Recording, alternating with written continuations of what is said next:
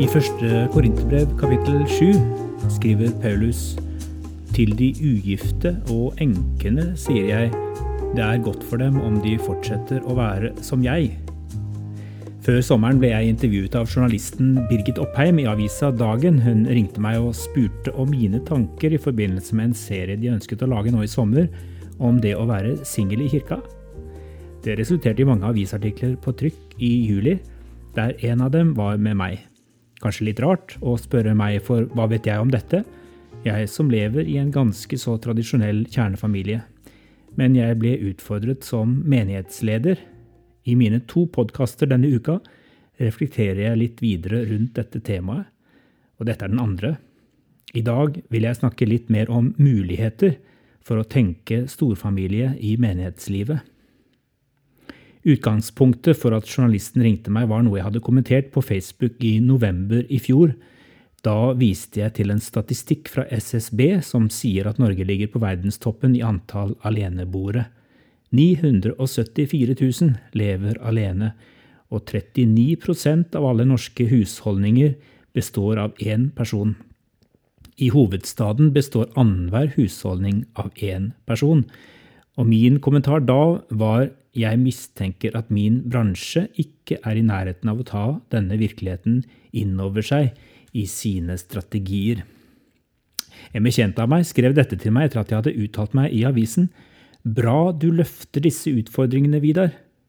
Jeg husker den menighetsvikenden der alle var så lykkelige over at vi ble så mange, faktisk hundre stykk, men der jeg var den ene sauen, den eneste single, den eneste uten barn, barnebarn, ektefelle, kjæreste. Jeg hadde mest lyst til å reise hjem. Det hjalp heller ikke tross invitasjon fra meg at ingen tenkte på at de kunne invitere meg med på en gåtur i fritida lørdag. Alle år etterpå har jeg sjekket om det faktisk er plass for enslige på slike helger, og hvis ikke, kall det for familiehelger i stedet for menighetshelger, da seiler en iallfall under rent flagg. Samtidig har jeg som arrangør vært veldig opptatt av at slike helger skal romme alle, med gode rammer for både rene voksensamlinger, gode opplegg for unger parallelt, og at vi kan ha det kjekt alle sammen, der sivil stand skal være underordnet. Det går an. Denne personen bor på en annen kant av landet, men jeg tror nok kanskje dette kunne ha skjedd også i menigheten der jeg er prest. Så hva vil jeg med dette? Jeg heier på kjernefamilien, men jeg vil minne om at kjernefamilien ikke er nok, heller ikke for dem som lever igjen. Barna trenger eksempel flere voksne relasjoner enn bare foreldrene. Alle, både kjernefamilien som bor sammen og aleneboerne, trenger storfamilien. Derfor vil jeg snakke mer om storfamilien og mindre om kjernefamilien. Storfamilien kan bestå av den fysiske slekta di, men for oss som er kristne, bør det være lov til å forvente at søsken- og familiebegrepet er mye videre enn som så. Det betyr at alle som deltar i menigheten, hører til i en storfamilie. Der har vi alle en forpliktelse til å inkludere hverandre. Da handler det ikke om vi og dem, men om et stort vi og et gjensidig ansvar for at rammene er slik at det er rom for ulik livsstatus og forskjellige livsfaser. At slitestyrken i storfamilien nettopp ligger i dette mangfoldet. I vår menighet er jeg uendelig takknemlig for de såkalte single. Mange av dem har vært blant de mest stabile og viktigste medarbeiderne i bymenigheten over mange år. Jeg tror vi har vært ganske gode til å benytte oss av deres ressurser. Om fellesskapslivet alltid er like godt rigget for dem, er jeg mer usikker på. Det burde være en visjon for menigheter å bli mindre opptatt av kjernefamilien og mer opptatt av storfamilien.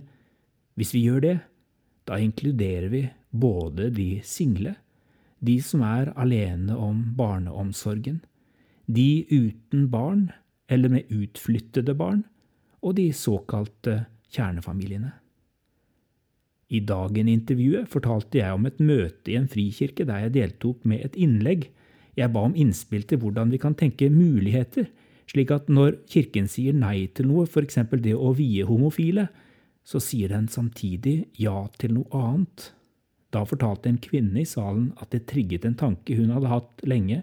Hun ønsket seg en bolig som ikke bare var for henne og familien, men en kollektiv løsning en annen på møtet reiste seg og takket en familie i menigheten som nærmest hadde adoptert ham inn i deres familie da han kom til stedet som singel.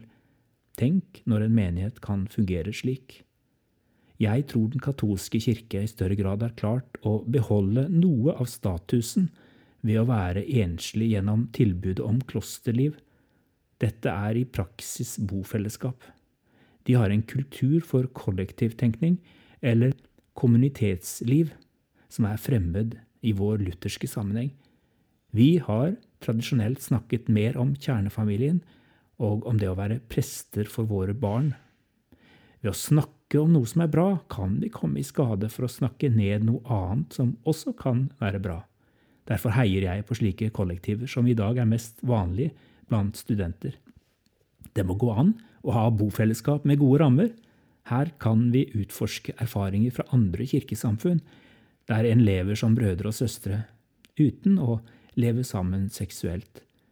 For noen kan det være et alternativ til ensomhet og isolasjon, uten at kollektiv på noen måte er et svar for alle.